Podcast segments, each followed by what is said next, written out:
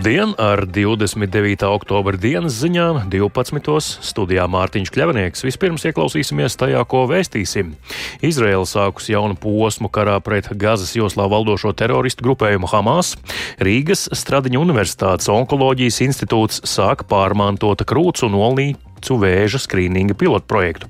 Un Latvijas sporta līdzutējiem šovakar iespēja pateicīgā laikā sekot līdzi Nacionālās hokeja līgas mačam ar Zemgus Girgensonu līdzdalību.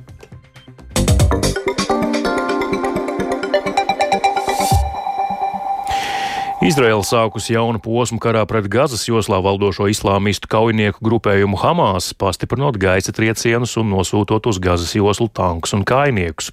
Gazas joslā pamazām atgriežas internets un mobīlie sakari.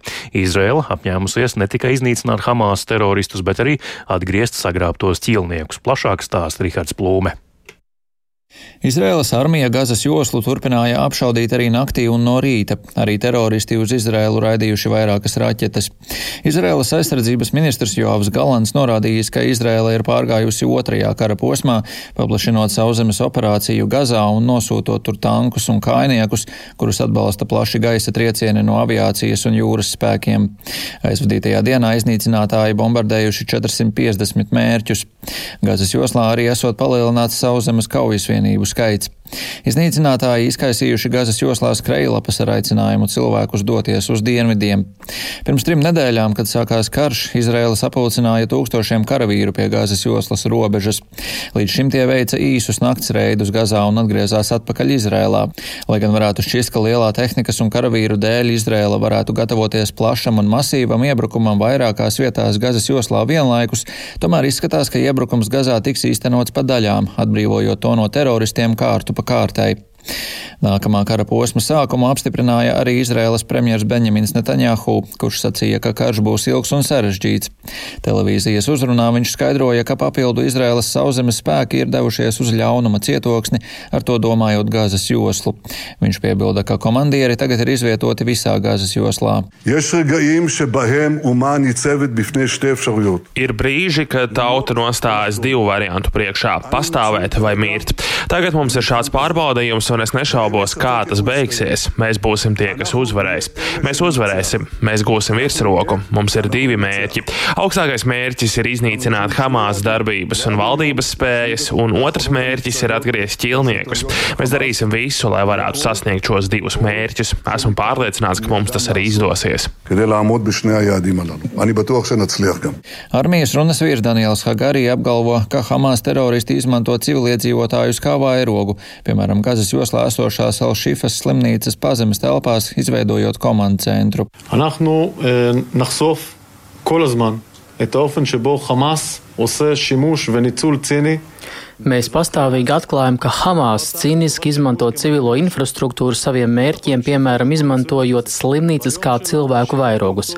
Alšīfas slimnīca ir lielisks piemērs tam. Uzsveru, ka šī slimnīca ir saistīta ar teroristiem un viņi telpas izmanto kā vadības un kontroles centrus savām operācijām. Iemesls, kāpēc mēs to atklājām, ir arī tas, ka, lai pasaulē paceltu sarkano karogu par problēmu, kas atklājas Gazas joslā kas, starp citu, ir kara noziegums. Slimnīcu izmantošana šādiem mērķiem ir kara noziegums, un mēs to šeit esam ne tikai atmaskojuši, bet arī snieguši daudz klasificētu materiālu saviem izlūkošanas partneriem. על הניצול הציני של המקום הזה ומקומות נוספים של חמאס. Gazas joslā šodien pamazām tiek atjaunots mobilo sakaru un interneta savienojums. Komunikācija tika pārrauta piekdienas vakarā, Izrēlai uzsākot spēcīgu bombardēšanu, atstājot Gazas joslu gandrīz pilnībā nošķirtu no ārpasaules. Kā stāsta vietējie žurnālisti, daudzi cilvēki Gazā šodien redzami ar telefoniem rokās vai pie auss, cenšoties sazināties ar saviem tuviniekiem un paziņām. Rihards Plūme, Latvijas radio. Kazahstānā ugunsgrēkā uzņēmuma Arce Arkelor Mittal raktuvēs bojā gājušo cilvēku skaits pieaudzis līdz 36, šorīt paziņoja valdība. Vēl desmit strādnieki ir bezvēsts pazuduši, izredzes atrast viņus dzīvus ir ļoti mazas. Kazahstānas prezidents Kasims Žomarts Tokājevs šodien izsludinājis Nacionālu sērdienu valstī. Ģenerāla prokuratūra sākus izmeklēšanu par iespējamiem darba drošības pārkāpumiem ogļu raktuvēs, kur vakar notika negadījums.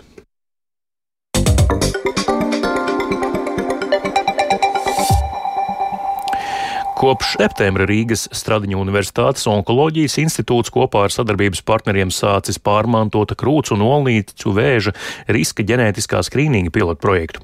Tā mērķis ir noskaidrot, kurām sievietēm ir augsts risks saslimt ar pārmantotu krūts un olnīcu vēzi, veicot ģenētisko testēšanu starp veselām Latvijas sievietēm vecumā no 25 līdz 59 gadiem, un tad palīdzēt viņām atklāt vēzi pirmajā stadijā vai arī novērst tā tālāku attīstību.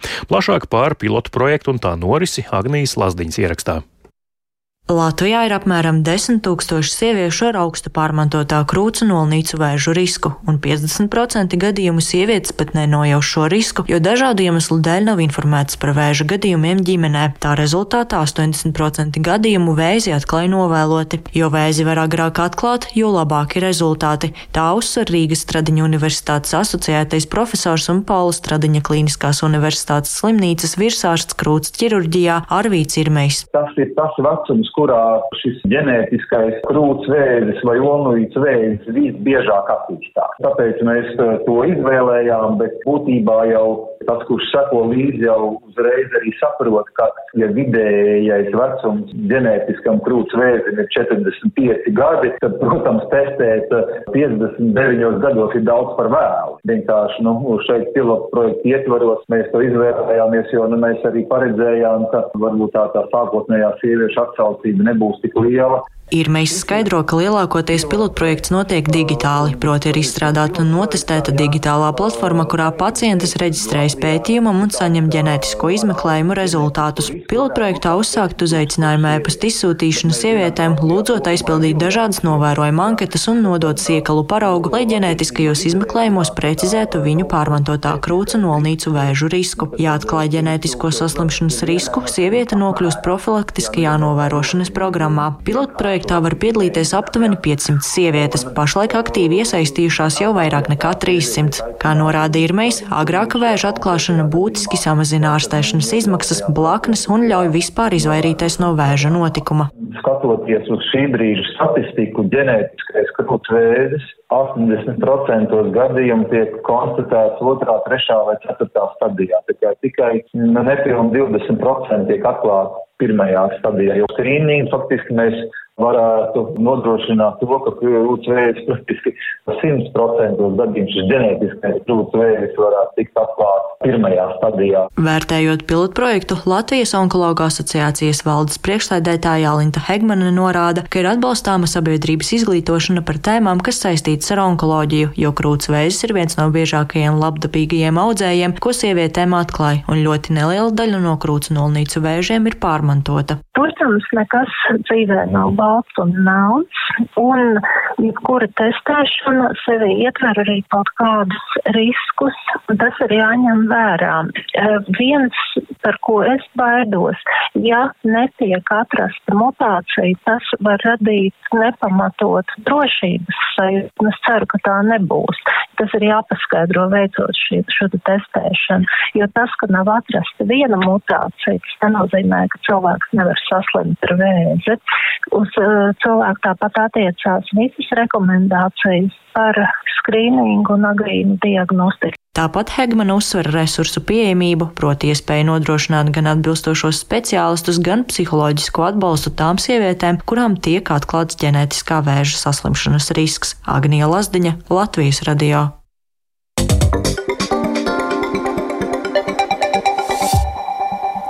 Turpmākajās minūtēs plašāk par sportu. Nacionālās hokeja līgas līdzjutēji šodien var gatavoties vakar spēlē pateicīgā laikā ar latviešu spēlētāju līdzdalību, bet par svarīgākajiem rezultātiem jau aizvadītajos NHL mačos un šodien gaidāmiem startiem sportā stāsta Mārs Bergs. Nacionālajā hokeja līgā Uvis Balīnskis un Floridas Panthers šorīt ar 3-2 apspēlēja Sietlas Kraken. Balīnskis uz ledus pavadīja nepilnas 15 minūtes un izdarīja trīs metienus pa vārtiem, taču viņš arī bija laukumā, kad Kraken guva abus savus vārtus, tāpēc Balīnskim negatīvs liederības koeficients - mīnus 2. Elvis Merzļikins šonakt palika savas komandas rezervē, bet Kolumbusas Bludžakets ar 0-2 zaudēja New Yorkas Islanders. Nakts vēlējā spēlē Vankūveras Kenaks ar 3 3-4 papildu laikā zaudēja Ņujorkas Rangers. Šovakar agrajā NHL spēlē jau 7. vakarā pēc Latvijas laika Zemgus Girgensons un Buffalo Sabres spēlēs pret vienu no līgas labākajām komandām Colorado Avalanche. Tāpat gaidāmajā naktī arī šī sezonas pirmā spēle zem klājas debesis. Tajā Edmontonas Oilers savā laukumā uzņems savus lielākos sāncenšus citu Kanādas Albertas provinces komandu Calgary Flames. Šī spēle sāksies vienos naktī pēc Latvijas laika.